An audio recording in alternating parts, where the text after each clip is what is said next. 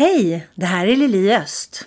Jag vill börja med att säga vad glad jag är att du har hittat min podd och att du är inne idag och lyssnar. För min intention och vision gällande podden är att få den att sprida sig i alla skikt i samhället i syfte att inspirera till eftertanke, sprida kunskap och göra människor mentalt och emotionellt starkare. Jag älskar att bidra med frön som gör att allt fler hittar sin inre kraft och jag brinner verkligen för att sprida det perspektiv som blir när man blandar beteendevetenskapen med lagen om attraktion. För när vi får på oss de glasögonen så ser man plötsligt saker så mycket klarare och kan ta de sakerna som hittills inte funkat i livet till en ny, mer gynnsam nivå. Jag skulle bli så tacksam om du ville hjälpa mig att nå ut genom att dela podden till dina nära och kära och i dina sociala kanaler så att den sprids i allt vidare cirklar. Så stort tack till dig som trycker på dela-knappen. Prenumerera gärna också på min Youtube-kanal Attraktionslagen 2.0. Tryck på gilla och på klockan för notiser. Med detta sagt återstår bara en sak att önska dig happy listening och hoppas att veckans avsnitt verkligen kommer att inspirera dig. Varmt välkomna till Attraktionslagen 2.0 med Lili Öst. Personlig utveckling på ett helt nytt sätt.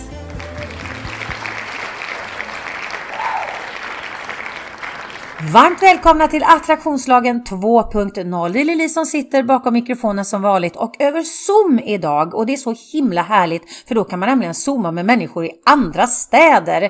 Jag har eh, glädjen att ha Therese Albrektsson som gäst idag. Varmt välkommen Therese! Ja, jättehärligt. Det är det positiva med det digitala. Att man ja, men eller hur? Se, ses överallt. Ja, men eller hur? Nå, när som helst. Det är fullständigt lysande. Men du, alltså jag har ju följt dig i ganska många år. Eh, egentligen faktiskt eh, så, så hörde jag talas om dig när jag var med i ett nätverk som heter Arns nätverk.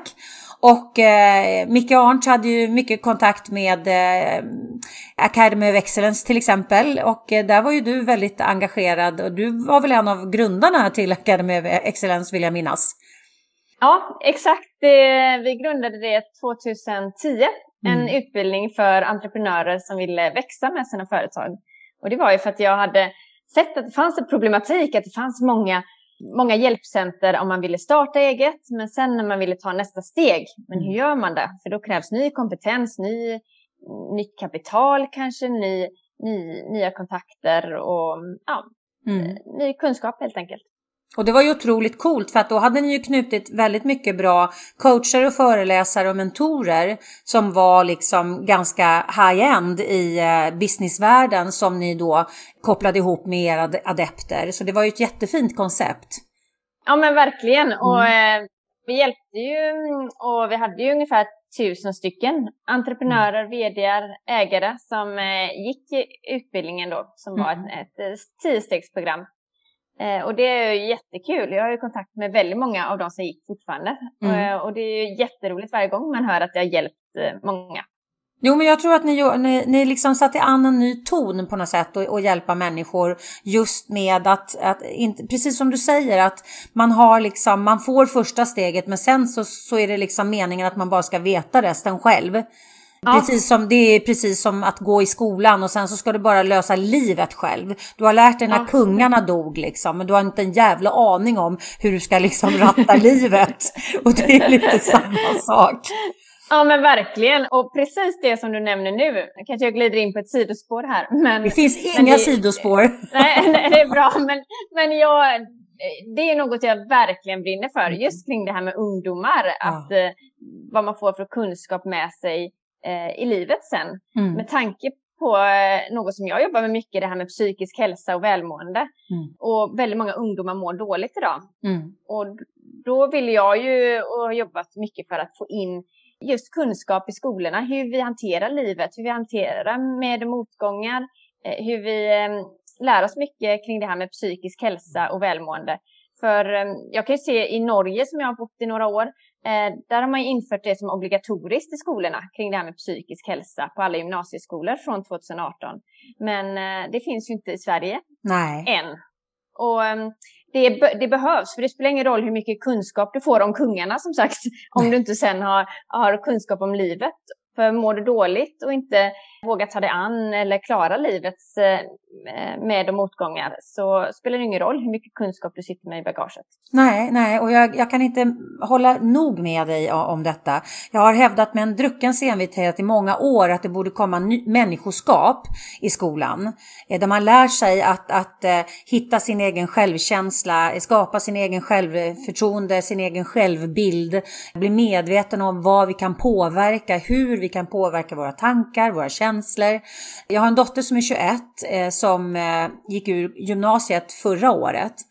Och eh, för förra året då hon satt i elevrådet och eh, eh, det var, det var två stycken ungdomar som hade tagit livet av sig på den skolan hon gick. Och eftersom hon satt i elevrådet så visste hon ju också om väldigt mycket ungdomar som mådde dåligt plus att hon själv har, har lidit av psykisk ohälsa. Mm. Så hon ville starta, starta upp en sån här grej i skolan. Och de var helt bingo bingo. Det var liksom, de hörde inte ett smack på vad hon sa. Och de sa, nej det finns ingen psykisk ohälsa i den här skolan. Och man liksom Oj. bara, men är ni inte kloka? Du vet, hon var så arg. Och hon hade liksom... Den personen verkar ju vara från en annan planet då med tanke på att 50 procent av alla 15-åringar mår psykiskt dåligt enligt yes. Folkhälsomyndigheten. Så mm. är det mm. klart att det finns en stor problematik en jätteproblematik och dessutom hade ju liksom två un ungdomar innan de fyllde 18 eh, tagit livet av sig som gick i den skolan. Så snacka om att ha huvudet under armen, snacka om strutssyndromet. Så att det ja. finns ju någonstans en motvilja att våga ta tag i det här som jag inte riktigt förstår. Men, men, eh, men det är bra att det finns människor som, som både dig och mig som faktiskt inte ger sig. Nej, och det, och det jag vet att det har kommit mycket mer resurser till BUP och, mm. och sådana bitar, men jag tycker att det är viktigt också att jobba mer förebyggande. Ja. Och, och det tycker jag saknas väldigt mycket, att just få den här kunskapen i skolan. Det, och det gjorde att jag till slut skrev ett brev till Gustav Fridolin som då var utbildningsminister, att få in det här obligatoriskt. Och eh, när han inte svarade så publicerade jag brevet i tidningen. Och ehm, ja, det gjorde att jag fick till ett möte ganska omgående. Och det kom till ett förslag och sådär, men sen byttes utbildningsminister och sen har mm. ingenting hänt. Så det gäller ju precis som du säger, man får ligga i, i, i mm. för att få igenom saker. Mm. Så let's join, let's join forces, Therese. Två, två starka kvinnor med en vision. Det, går, det är liksom så här unstoppable. Kör så det ryker. Eller hur?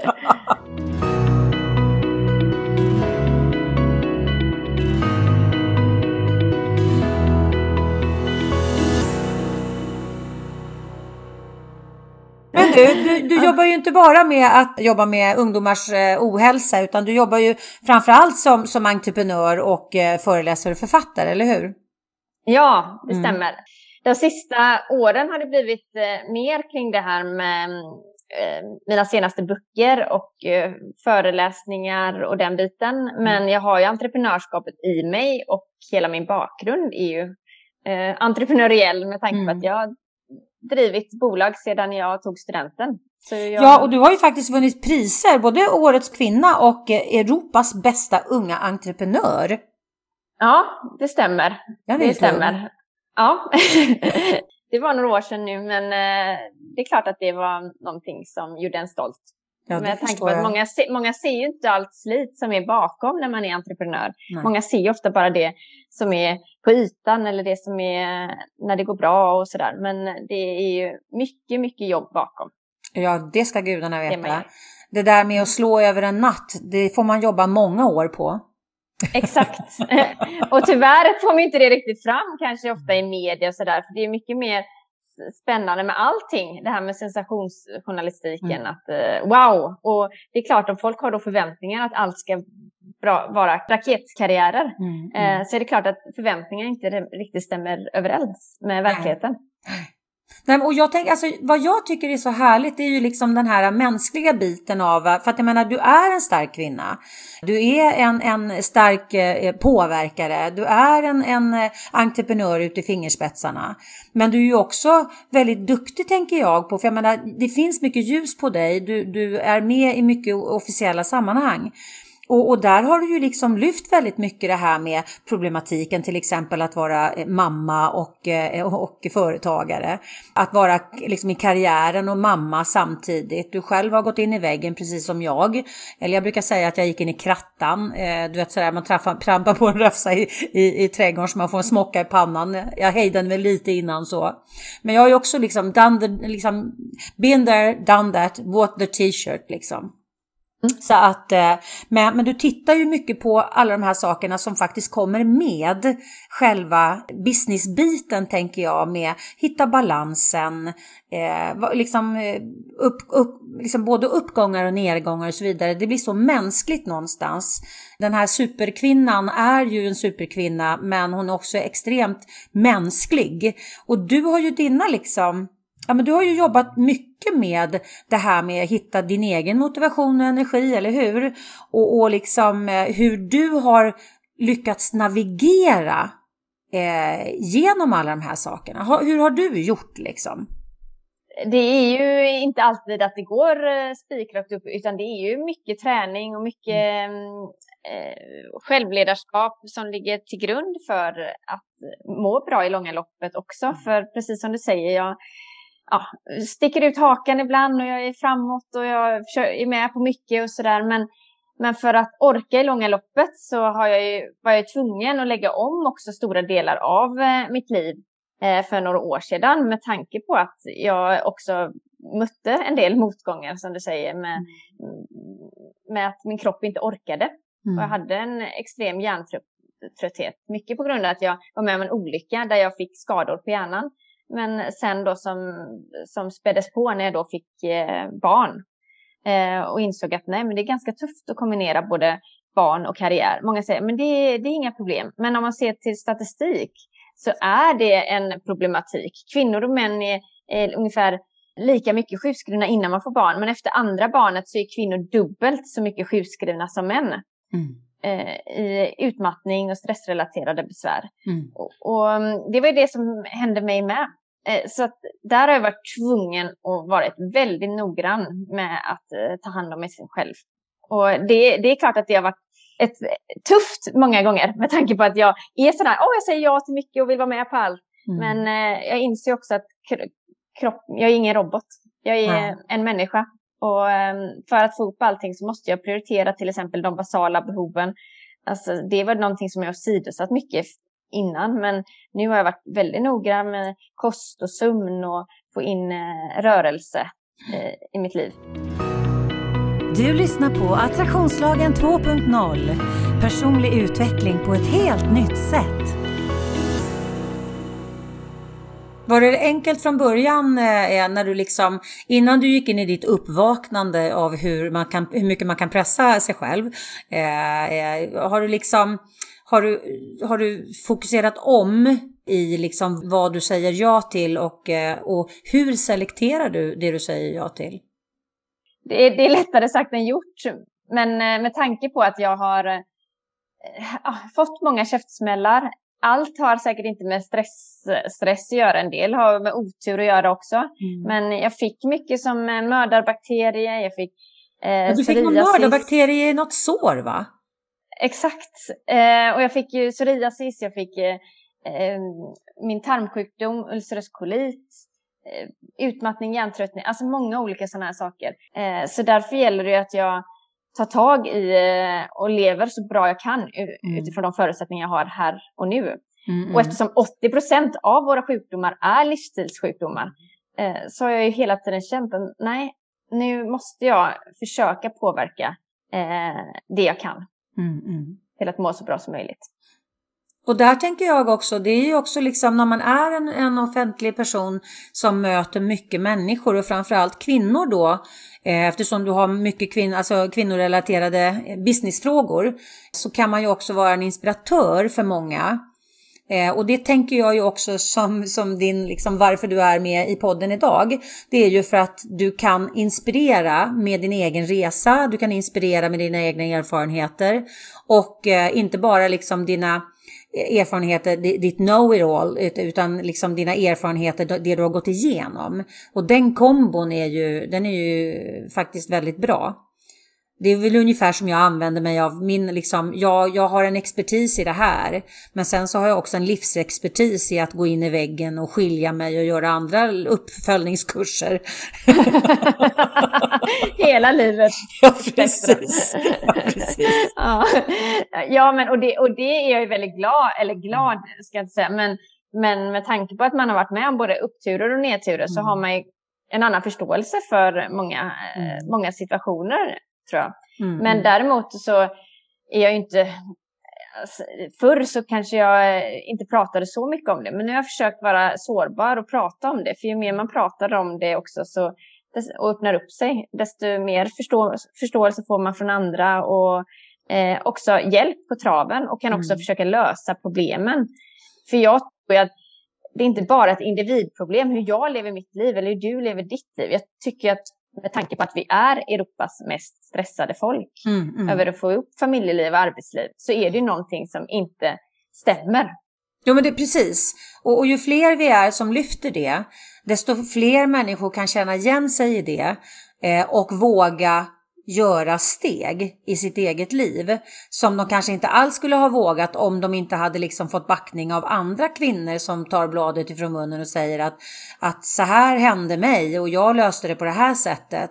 Jag vågar liksom säga nej till saker som egentligen är jätteroliga eller som jag kanske borde haka på för det är bra för min image eller det är bra för min karriär eller vad det nu är för någonting. Men saker som ibland är bra för karriären kanske är urusla för våran själ och vårat väl och väl liksom.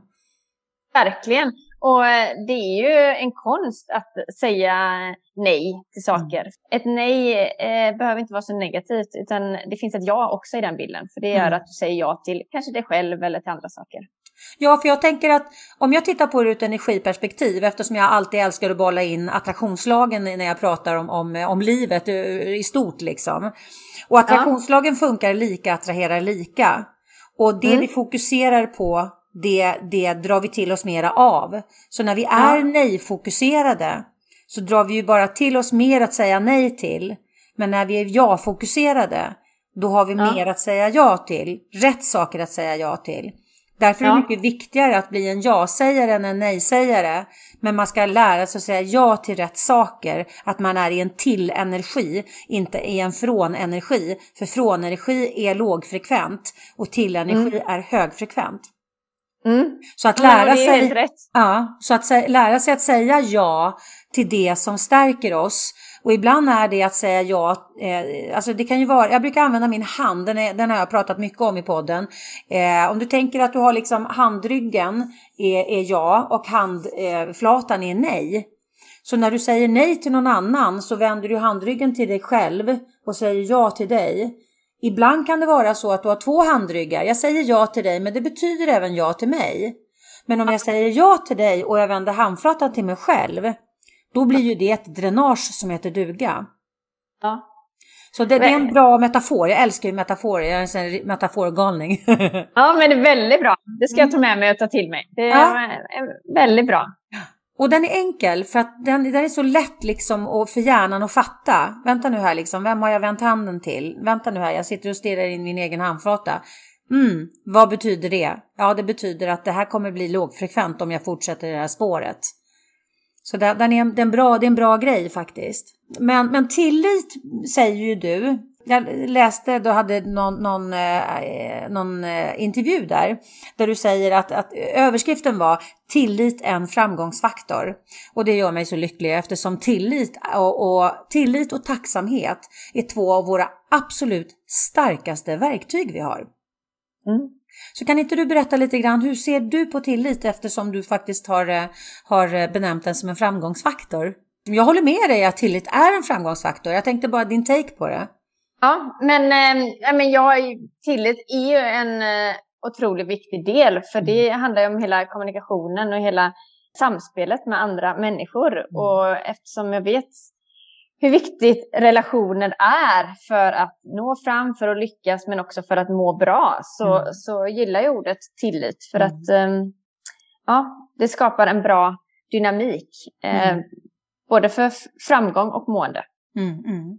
Och jag tänker också tillit är ju liksom grunden till att vi överhuvudtaget kan komma dit vi har eh, liksom bestämt oss för att vi vill komma. Mm. För att om vi inte har tillit till att vi kommer komma, för att många människor lever sitt liv eh, utifrån vad de ser. Mm. Eh, och när man lever i reaktion på det man ser, om man inte ser det man vill ha, då betyder det att man inte, man inte har nått det, det betyder att man inte har det, det betyder brist på det man egentligen vill ha. Och då blir det ju återigen om man tänker på attraktionslagen, då blir det att man lever i brist på det man egentligen vill ha.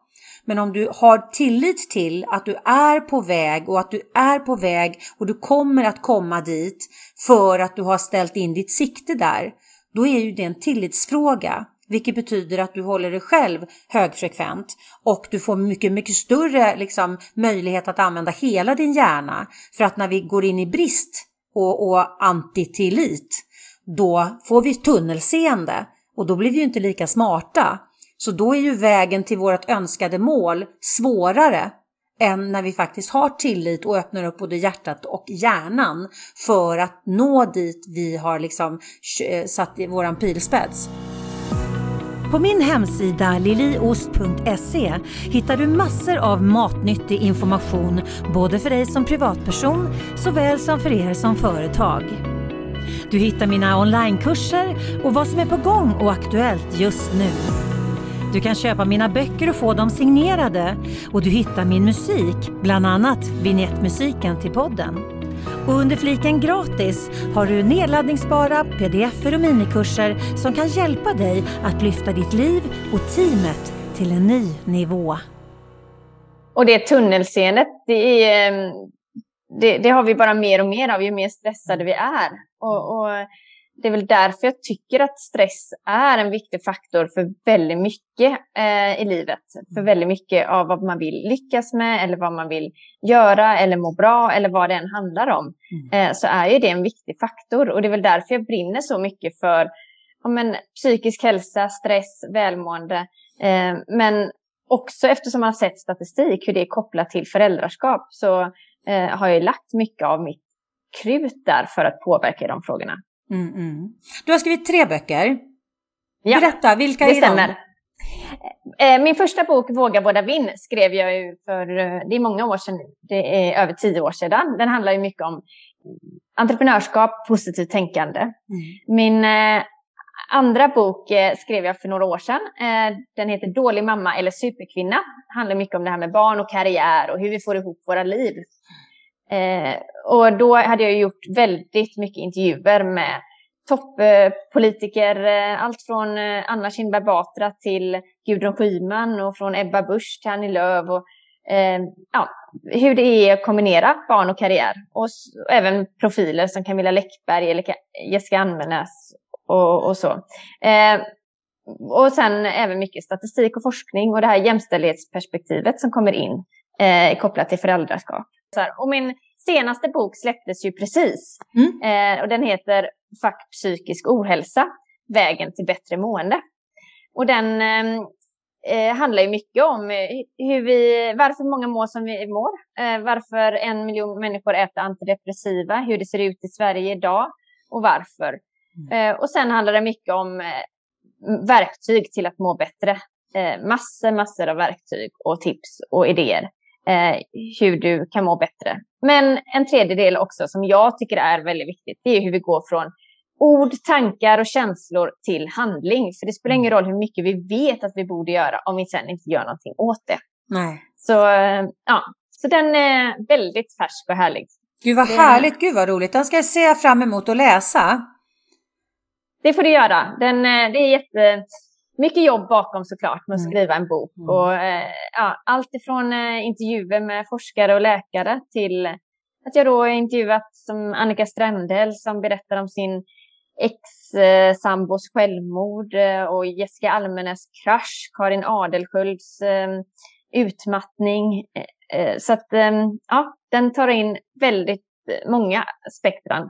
Mm. Och även min egen resa såklart. Ja, jag skulle säga det. Det, det, det känns väl som att den eh, borde platsa i den boken. ja, så den är både ner och uppturer där med. Mm, mm. Men, eh, och det har varit eh, lite så här pirrigt och, och så också med tanke på att jag eh, har varit väldigt sårbar mm. i boken. Mm, mm. Och det att... är alltid lite nervöst att vara. Mm. Men, men jag tror så här, liksom den nya typen av superheroes, det är de som vågar vara sårbara. De som visar att man är en människa, att man inte är liksom en, någon typ av skottsäker väst som är ute och går och bara liksom eh, köttar på, utan att man är sårbar. För att jag tänker att sårbarheten är inte våra svagheter, utan det är våran styrka. Verkligen, och det mm. håller jag helt med dig om. Och det, mm, och det är klart att det är svårt kanske att vara sårbar när man är mitt i någonting eller när det, är, när det är som tuffast. Men att man sen i alla fall vågar vara sårbar efteråt. Mm, mm. Eh, för det hjälper inte bara en själv, det hjälper också andra genom att mm. visa det. För livet är inte de här filtrerade superfotona på Instagram eller Facebook. Livet är så mycket mer än mm. den här perfekta drömvärlden, den här perfekta eh, filtervärlden med, eh, ja, där du är 13 kilo mindre på ett foto för att du är med på Instagram och har tagit bort eh, varenda liten skråma i ansiktet och sådär. Eh, så är inte världen. Men det är så vi matas med hela dagarna. Mm, mm. Och då blir det också att vi liksom själva känner oss gamla, fula och feta och eh, inte alls lika, miss eller inte lika lyckade som alla andra. Jag kan säga att det är, många av mina, det är många mina klienter som jag har kommit överens Jag jobbar ju som, som coach och eh, det är många som, som jag har kommit överens om att de har liksom skippat eh, Facebook eh, och alla sociala medier innan de går och lägger sig. För att de blir så deprimerade.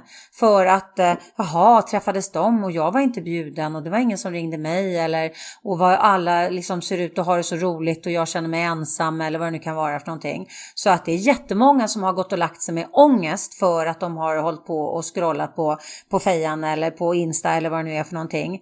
Eh, eller så... på LinkedIn för att alla är så jävla liksom, begåvade och duktiga och har så mycket business och, och har så mycket jobb och är så busy och liksom eh, och, och sådär. Ja.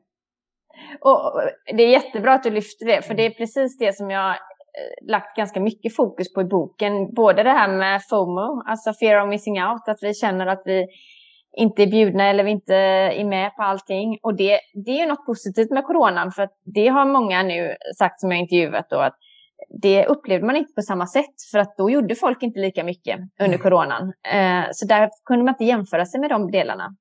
Sen det här med additionsstress som många lider av. Att man adderar eh, alla de här till synes perfekta bilderna på sociala medier och tänker att man själv ska vara det. Man adderar en inredningsdesigners eh, hem och tänker så här ska mitt hem vara. Man plussar på eh, en fitnessgurus kropp och tänker så här ska min kropp vara. Och så är någon superkarriärist och tänker att alla de här tre 500 miljoner människorna man tittar på varje dag, eh, hur många det nu än är, eh, så adderar man det till sig själv.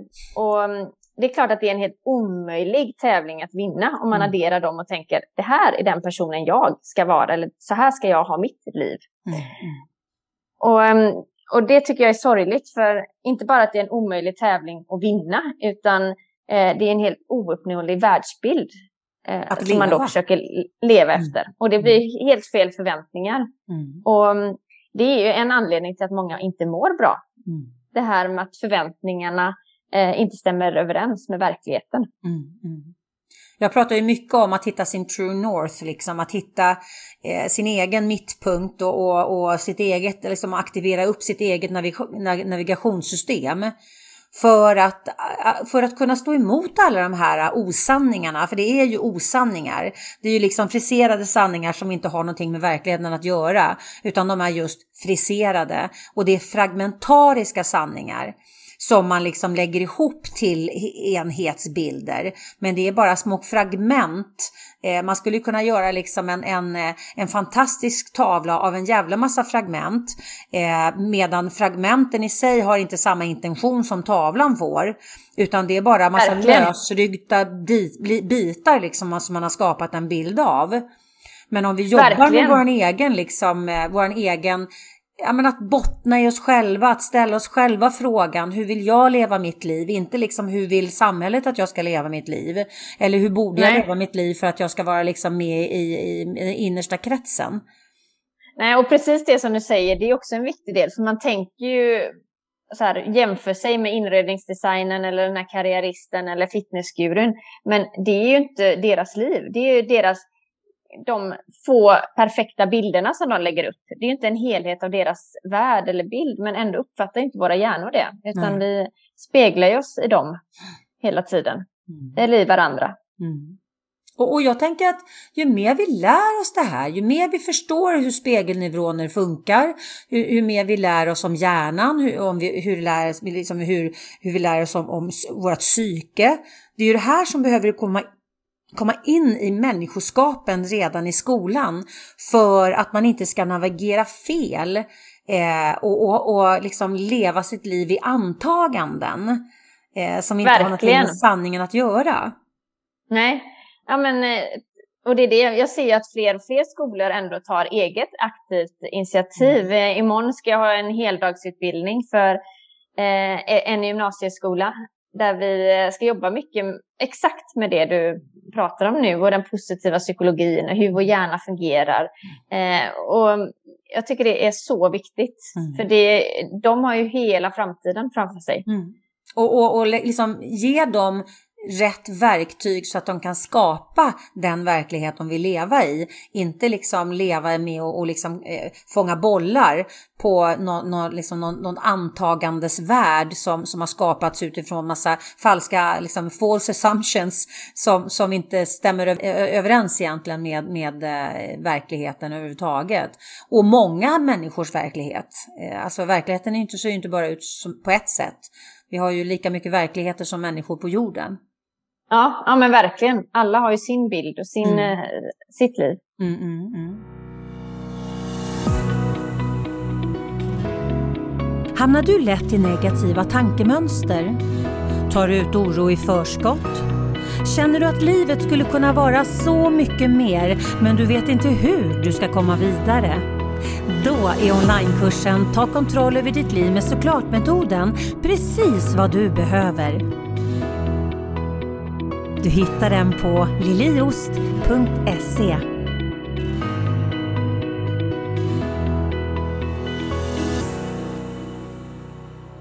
Du har ju också pratat om, om eh, det här med att, skapa motivation och energi och, och, att träna ditt mindset. För du sa det, det ligger mycket arbete bakom. Hur har, liksom, hur har du jobbat med att, att träna ditt mindset till att att foka i en riktning som, som, som stärker dig?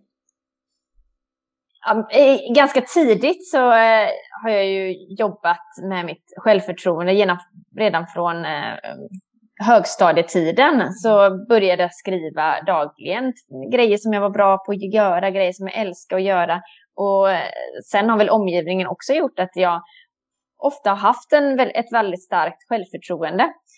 Och, för det är ju en färskvara. Jag kan mm. inte säga att man alltid har det, utan eh, det är en färskvara. Och jag gör reflektion varje kväll där jag går igenom grejer som jag är bra på att göra, grejer som jag älskar att göra, tacksamhet. Eh, ja, och framförallt försöker jag då få in eh, egenskaperna som stärker självkänslan också, mm. så att man hela tiden jobbar med de bitarna. För det är inte när livet är som bäst och allting är på topp, det är inte då man behöver det, utan det är ju det är att bygga upp de här krockkuddarna eh, så att man är mer förberedd när mm. det kommer svackor, motgångar eh, eller eh, ja, misslyckanden i livet. Mm, mm. Jo, men ju mer vi kan öva på det medan vi mår bra, desto mer har det ju satt sig i ryggraden när vi faller. Ja, men verkligen. Och, och det som sagt jobbar jag ju med varje dag och sen något som jag har fått jobba väldigt aktivt med det är ju det här good enough-tänket. Alltså där har jag ju eh, inte varit lika stark. Jag har alltid varit så här, nej, det ska, bättre, bättre, bättre, bättre. Allt ska mm. vara perfekt, allt ska vara eh, hundra. Mm. Men eh, där har jag själv fått vara väldigt noggrann i mitt arbete och påminna mig själv dagligen. Det är okej, okay, det är good enough, du, det behöver inte vara mer än det du har gjort och så. Och det, det är som sagt en träning. Eh, där, där måste jag fråga eh, Therese, när, när, du, när du då jobbar med good enough och du, du intalar dig själv att det här är good enough, det här räcker och så vidare och så vidare. Var hamnar du känslomässigt? Alltså, I början tyckte jag det var jobbigt för att det var lite emot hur jag själv var som mm. person. Jag var en väldigt högpresterare, eller var, jag är väl fortfarande en väldigt högpresterare. Eh, men idag så har jag mycket lagt om vad som är prestation. Jag har mer och mer belönat mig själv med prestationer i hälsofrämjande delar. Och det, det var en, ett stort, eh, en stor förändring i mitt mindset. Mm. Att idag så pushar mig själv, ger belöningar när jag eh, lägger in, när jag har återhämtning i min kalender.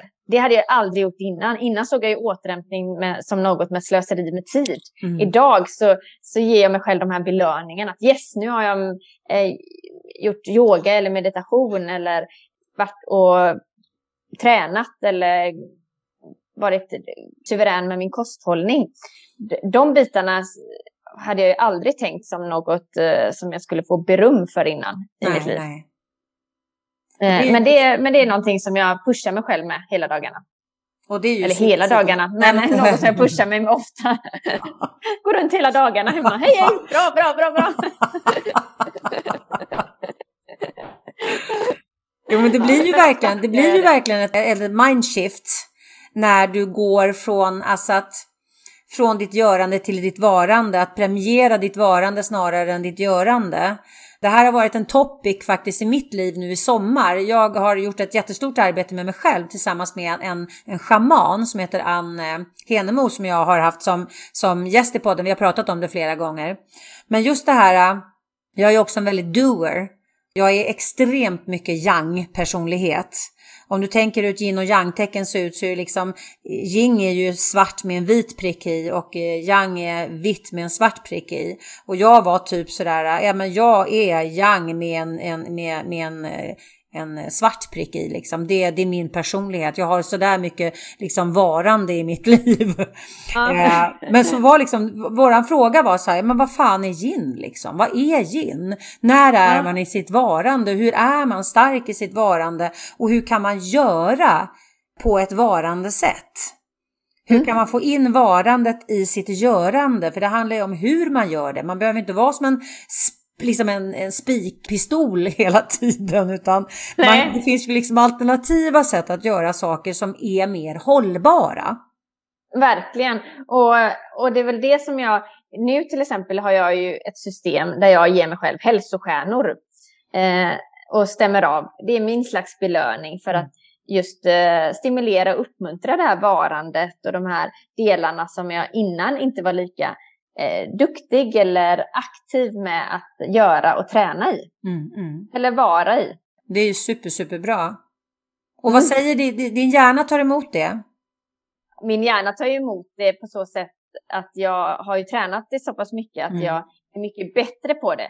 Sen kan jag ju fortfarande känna den här prestations Therese i mig hela tiden när det kommer någonting. Man vill leverera, man vill vara bra, man vill vara duktig. Det här duktig flicka-syndromet. Mm. Men jag är så mycket bättre idag. Och jag matar mig med det här att 80-20 det är good enough. Det blir exakt som jag tänker mig. Så, så säger de här orden och matar mig med. Mm, mm. Och det, det, är otroligt viktigt. Jag menar, hjärnan är plastisk så att eh, förr eller senare så har vi liksom jobbat in ett nytt sätt att, att, att se saker på, ett nytt sätt att förhålla oss. Men om man tittar på, om man går tillbaka det här med dels med utbrändheten men sen, sen också det här med att vara mamma och, eh, och vara, eh, vara i karriären. Eh, mm. när man alltså, jag vet inte om du har hört talas om, jag, jag tjatar ofta om det här, ni som lyssnar på podden ofta, ni vet ju att jag älskar David R. Hawkins Map of Consciousness. Känner du till den? Nej, tyvärr. Ja, och den, den ska jag skicka till dig Therese, den är fantastisk. Det, det var, han, han lever inte längre, eh, men han var då en av världens mest, eh, mest framstående forskare i just i, i consciousness. Och han har gjort en, en skala som går då ifrån 0 till 1000 där liksom är du över 700 då är du liksom enlightened. Där är du liksom bara, det liksom S är ju liksom, I am är ju det liksom, det, det paketeringen på det. Det är liksom inga motgående rörelser överhuvudtaget. Eh, men man säger att man ska befinna sig på lover above och kär, kärlek ligger på 500. Sen har ja. vi en brytpunkt på 200. Under 200, där är vi i forcering. Över ja. 200 går vi upp i vår kraft. Ja. Under 200 ligger oro, frustration, irritation, aggression, eh, sorg, eh, eh, ilska, eh, skam och skuld. Och skam och skuld ligger på 20 och 30 på den här skalan. Det är alltså nere i precis i botten på den här skalan. Och om man då tittar på det här med att vara förälder och eh, vara i karriären, oavsett om man är kvinna eller man, men det här med att man har dåligt samvete för att man är, liksom är någon annanstans i huvudet när man är med barnen och sen har man dåligt samvete på jobbet för att man tänker på barnen när man är på jobbet så att man är liksom inte riktigt hundra någonstans för man är hela tiden lite dåligt samvete. Man känner en skuld hela tiden som man inte, ofta inte kan sätta fingret på men det är en skuld som ligger där och, och liksom är aktiv. Och tittar man på det ur ett energiperspektiv så är det extremt lågfrekvent. Det är som en låggradig inflammation. Verkligen, och det, det ser man ju också med den psykiska hälsan, att de som har skam, eh, hög skambelägenhet eh, ju, lider ju i större utsträckning av eh, psykiska besvär. Mm, mm.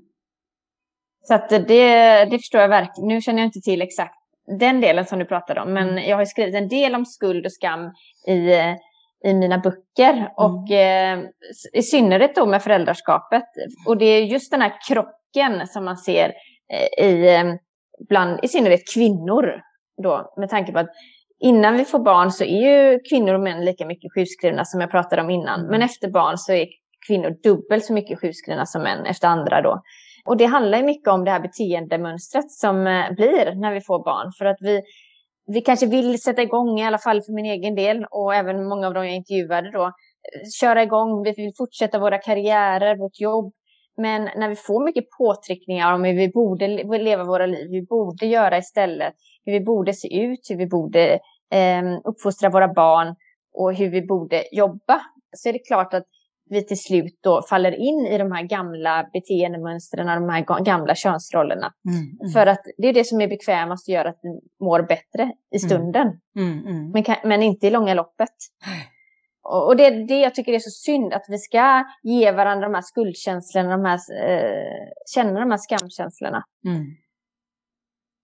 Ja, och de Eftersom dåligt samvete gynnar ingen. Nej, nej, nej, nej, nej, absolut inte. Inte på något plan liksom. Och oss eh, själva allra minst eftersom det håller oss lågfrekventa. Och då får vi tunnelseende, så då har vi ännu svårare att hantera det som blir för att vi ger oss inte själva möjligheten att liksom öppna upp våra tankesegel och bli hela vår full, fulla potential.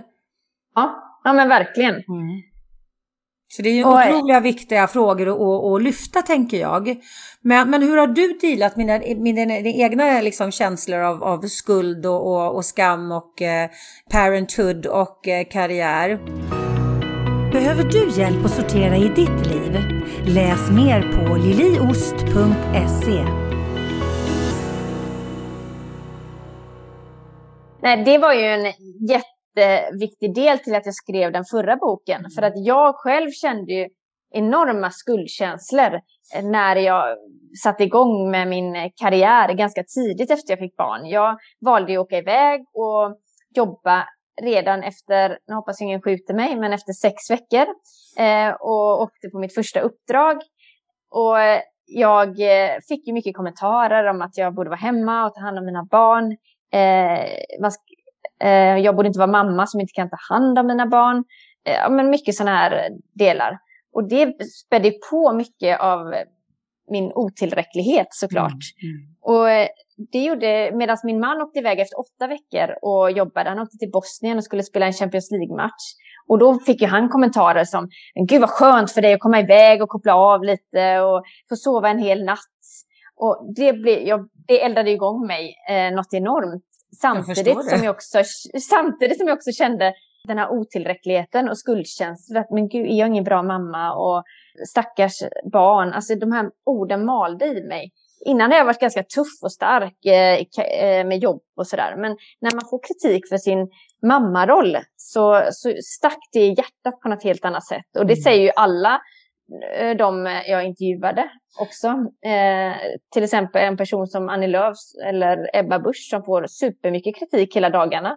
Men när man får det för sitt föräldraskap så gör det väldigt ont. Mm. Eh, och um, det, det gjorde att jag till slut började undanhålla.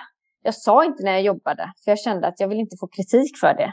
Eh, och då istället så var jag på jobbet som att jag inte hade några barn och sen var jag på med barnen som att jag inte hade något jobb. Och det var klart att den ekvationen inte gick ihop i långa nej, loppet. Nej.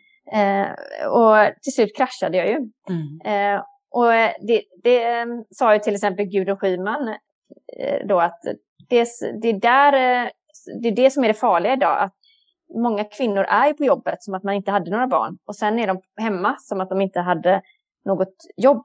Mm. Och den, den kollektionen är så stark idag och det är därför då den stora kraschen sker just vid föräldraskapet. Eh, jag får ju ibland kommentarer, men hur kan du säga så? Jämställdheten har ju verkligen gått framåt. Ja, det har det verkligen, men om man ser statistik och forskning så har jämställdheten gått framåt eh, väldigt snabbt på arbetsmarknaden. Men den, har inte, den är mycket mer seglivad hemma, på hemmafronten. Och det är där kollektionen blir idag, eh, mycket mer än vad den var förr. Mm, mm. Ja, det hänger inte med liksom. För där är det ingen Nej. som lyfter frågorna och där är det ingen som står på barrikaderna och det är liksom JämO inte där liksom och joxar utan det är sådär, äh, så här har vi alltid gjort i våran familj. Ja, ja men lite så. Och, de här, och jag hoppas förändring och förbättring mm. såklart. Men, eh, men det tar ju tid. Mm. Och eh, man kan ju ändå se det att det är klart att det finns en större risk för kvinnor då att gå in i väggen om man ser att innan vi får barn så gör kvinnor och män lika mycket hemma eh, mm. med obetalt arbete. Men efter vi får barn så gör kvinnor sex veckor mer per år i hemarbete. Tänk om vi hade lagt de sex veckorna på att jobba istället, till mm. exempel. Eller klättra i karriären. Eh, istället försöker vi då klättra i karriären samtidigt som vi lägger sex veckor mer per år i hemarbete. Mm. Det är klart att det blir en, en kollision. Mm, mm. Vad, vad är din tanke? Liksom, har du, du har ju funderat på frågan mycket förstår jag. Liksom. Eh, vad, vad har du kommit fram till någon, liksom, eh, hur vi kan stötta liksom, par innan de går in i, i, eh, i, i föräldrarollen slash karriärsstegarna? Ja, ja, jag har funderat mycket kring de här bitarna såklart. Men, men en del är att skapa medvetenhet. Det är mm. det som jag stått lite på barrikaderna på. Att folk är medvetna. Jag själv var inte medveten kring det här. Jag tyckte att vi hade en bra dialog hemma i vårt förhållande. Men när de yttre påtryckningarna kom så skedde en beteendeförändring hos mig. Eh, även om jag inte ville det. Mm. Eh, så att skapa medvetenhet kring folk där ute, hur det faktiskt ser ut, gör ju att vi förhoppningsvis kan eh, få till en förändring eller förbättring. Mm, mm. Eh, och sen eh, att man också påminner, påminner kring, jag kan själv känna när en kompis nu skulle sticka iväg och jobba i tre veckor, så jag sa, men gud, vad är barnen? Och så kommer på mig själv, men det är klart, barnen är väl med sin pappa ja, eller sin, den andra partnern. Mm. Så att, men det ligger ju djupt rotat om en mamma åker iväg. Ja. ja, men visst är det så. Så, jag, så även jag som jobbat med frågorna så mycket och länge får ju själv bita mig i tungan ibland. Mm. Jo, men det, alltså, och det är inte så konstigt för det, är liksom, det ligger nedärvt i, i, i åner av tid. Eh, och, och, om vi bara funderar på liksom, vad plockar vi med oss för, för präglingar här? Ja, men vi plockar med oss präglingar ungefär fem led tillbaka. Mm eh, som vi har med oss i vårat cellminne, som vi har med oss liksom eh, i våran kropp, eh, som, som, eh, som är våra sanningar så att säga. Självklart eh, det närmaste är ju våra föräldrar, men även de och deras föräldrar och bakåt och bakåt, ungefär fem generationer brukar man säga att man, man plockar med sig i präglingar. Och då mm. kan vi ju liksom tänka, liksom, hur var det? Vi har haft eh, kvinnlig rösträtt i hundra år. Det är inte konstigt att det tar lite tid. Nej, så att vi, vi liksom, egentligen borde vi så här äh, defragmentera hårddisken på alla eh, så att man liksom slapp bära med sig de här fem generationerna av präglingar för att kunna komma vidare och komma framåt. nu sätter vi stopp, nu bara kör vi framåt och bygger en ny kultur, nya attityder. Ja men precis. Ja. Vi, här, vi, bara liksom, vi bara så här, vi, vi, bara fimpar den här liksom eh, som vi bär med oss bara by default liksom. Det här paketet som vi inte ens har beställt liksom till datorn utan vi bara har så här, det tar skitmycket eh, disk, eh, vad heter det, plats på datorn. Men vi får ja. det bara vi vill ha det eller inte. ja, kanske ska bygga en sån robot sen. Ja men eller hur. Ja men precis. Men du, eh, med, den, med den positionen som du har i dagens läge i ditt eget liv och i arbetslivet och eh, där du fick, liksom har en, någonstans skapat en plattform för att kunna påverka eh, och bli hörd i din påverkan. Vad är det viktigaste som du vill kommunicera? Oj, det var svårt. Ja, det var fråga. ingen liten var... fråga jag smackade Nej, jag skulle inte säga det. var en... Nej, den var bred kan man säga. Det, frågan är bara vad. Men om du tänker då, de, de, de största, jag har både män och kvinnor som lyssnar på min podd.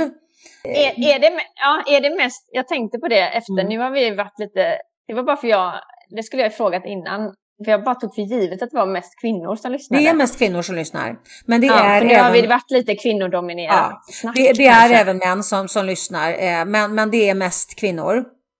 Mm. Eh, och det, jag tycker det är okej. Okay att ibland så är det kvinnodominerat. För jag har andra som är helt mansdominerade så att det är liksom, det, det är människor. Men alltså, jag tänker ändå att det har varit ganska mycket människor vi har pratat om också så att det är ingen fara. Men, men den största delen av mina lyssnare är kvinnor. Och, eh, men det är, en, det är ändå män som, som även lyssnar och som jag vill ska kunna känna sig inkluderade. Liksom. Med det sagt, eh, jag har ju en, en, jag har en bred lyssnarskara som du skulle kunna säga något jävligt bra till. Något jävligt bra till. nu blev det ännu bättre. Tack ska du ha. tack, tack för den. du lyssnar på Attraktionslagen 2.0. Personlig utveckling på ett helt nytt sätt. Nej men det som jag brinner för mest nu med tanke på mitt senaste boksläpp, det är ju mycket kring det här med psykisk hälsa och välmående. Mm. Det är ju någonting som jag verkligen vill skicka med med tanke på olika törnar som jag själv har råkat ut för och varit så nära döden. Så eh, är ju livet väldigt eh, skört. Mm. Så därför tycker jag det är viktigt att fokusera mycket på hur man mår. För mår du inte bra så går det inte bra och eh, floskel, floskler kan ersätta varandra. Men den som inte avsätter tid för friskvård kommer förr eller senare få avsätta tid för sjukvård. Mm. Och eh, eftersom jag har fått känna på det själv så vet jag hur viktigt det är. Och därför tycker jag det är viktigt att prioritera. Lägg in tid i kalendern för att eh, ha avstämning med dig själv du, där du kan gå igenom om du har balans i livet, om du mår bra, hur känns det? Behöver jag förändra innan det blir för sent? Mm, mm. Eh, till exempel, jag själv har ju lagt in i min kalender MTA på flera ställen. Möte Therese Albrektsson, där jag hela tiden får den här besiktningen där jag kan gå igenom att shit, nej nu måste jag pausa här, nu måste jag få in mer tid för återhämtningen, nu, måste jag, nu har jag slarvat med kosten eller rörelsen den sista tiden, nu måste jag prioritera om här. Nu måste jag lägga in det här i kalendern. För den som eh, lägger, in lägger in det i kalendern, ja då har det större chans att bli gjort. Mm, så mm. att eh, det tycker jag är en viktig del att skicka med. Att mm. oavsett eh, vem du är eller var du är så lever många i en stressig miljö eller vardag. Eh, och, och det du kan göra är att ta det här ansvaret själv, att sätta dig vid ratten i ditt liv och se till att skapa dig bra förutsättningar för ett bättre mående. Mm. Eh, och där, um... det, är ingen som, det är ingen som kommer ge det till oss, utan det är någonting som vi faktiskt måste skapa och ta ansvar för själva.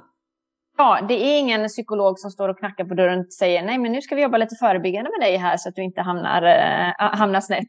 Utan äh, därför är det viktigt att göra det med tanke på att om man hamnar i en djup Eh, svår utmattning så är det en extremt lång väg tillbaka. Mm, mm. Eh, så, så, gör det innan, innan det blir för sent. Mm. Och jag vill också viktar med att man också ser sig om, om man har eh, med dem i sin omgivning. Med tanke på det här som du pratade med, att två killar hade tagit livet av sig på din dotters skola. Två tredjedelar av de som begår självmord är män. Mm. Och därför kan det vara viktigt att ha ett öga också på hur mår andra runt omkring. För eh, också genom att eh, ge beröm och kärlek till andra gör ju att vi också växer själva. Och, och då är det viktigt att hålla koll på dem runt omkring oss också. Mm. Eh, för eh, vi pratar ofta kanske mycket kring, vi pratar mycket om kvinnor här i podden och med kvinnor och föräldraskap. Men jag vill också lyfta ett stort slag för män för att det är en stor underdiagnostisering i den målgruppen. Mm. Där många inte mår så bra. Och att eh, det kan gå snett om man inte håller eh, ögonen öppna i god tid. Mm. Och där tänker jag också att, att det är liksom just det här när vi drar ner farten i vårt le leverne. Eh, det är då vi faktiskt eh, har möjlighet att uppfatta signaler. För springer vi för fort så missar vi så otroligt många eh, rödljus och liksom gulljus runt omkring. Ja, då sätter vi bara... på skygglapparna. Ja, men precis. Och så springer, springer vi bara på. Då ser vi ja. varken oss själva eller folk i vår omgivning. Nej, men precis. Så att eh, det, mm. det, är en bra, det är en bra reminder Therese, tack snälla du. Men du, om man tycker du är en väldigt spännande person, vilket man förmodligen gör, jag tycker i alla fall att du är en jättespännande person. Ja, och vad kul att du har följt mig i så många år. Det ja. värmer att höra. Ja. ja. Inspirerat på något sätt. Ja, men absolut. Eh, då, får man, då får man gärna gå in på vågavinna.se, eh, alltså vagavinna.se. Där finns mycket av mina kontaktuppgifter. Mm. Allt från Facebook, LinkedIn, Twitter, eh, ja, telefon och mejl. Mm. Perfekt! Stort, stort tack för att du var här och berikade min podd idag. Ja, tack själv! Jättekul att jag fick vara med. Ja, och hälsa Göteborg. Ja, hälsa Stockholm. Ja, ska jag göra. Och tack snälla du som lyssnar och varmt välkommen ja. tillbaka nästa vecka. Hej då! Hej då! Du har lyssnat på Attraktionslagen 2.0 vill du supporta podden, gå in på liliost.se supporter. Och tycker du att det vi pratar om här i podden är viktigt, dela gärna i dina kanaler. Tänk efter lite grann. Hur har du det omkring dig nu? Är du nöjd?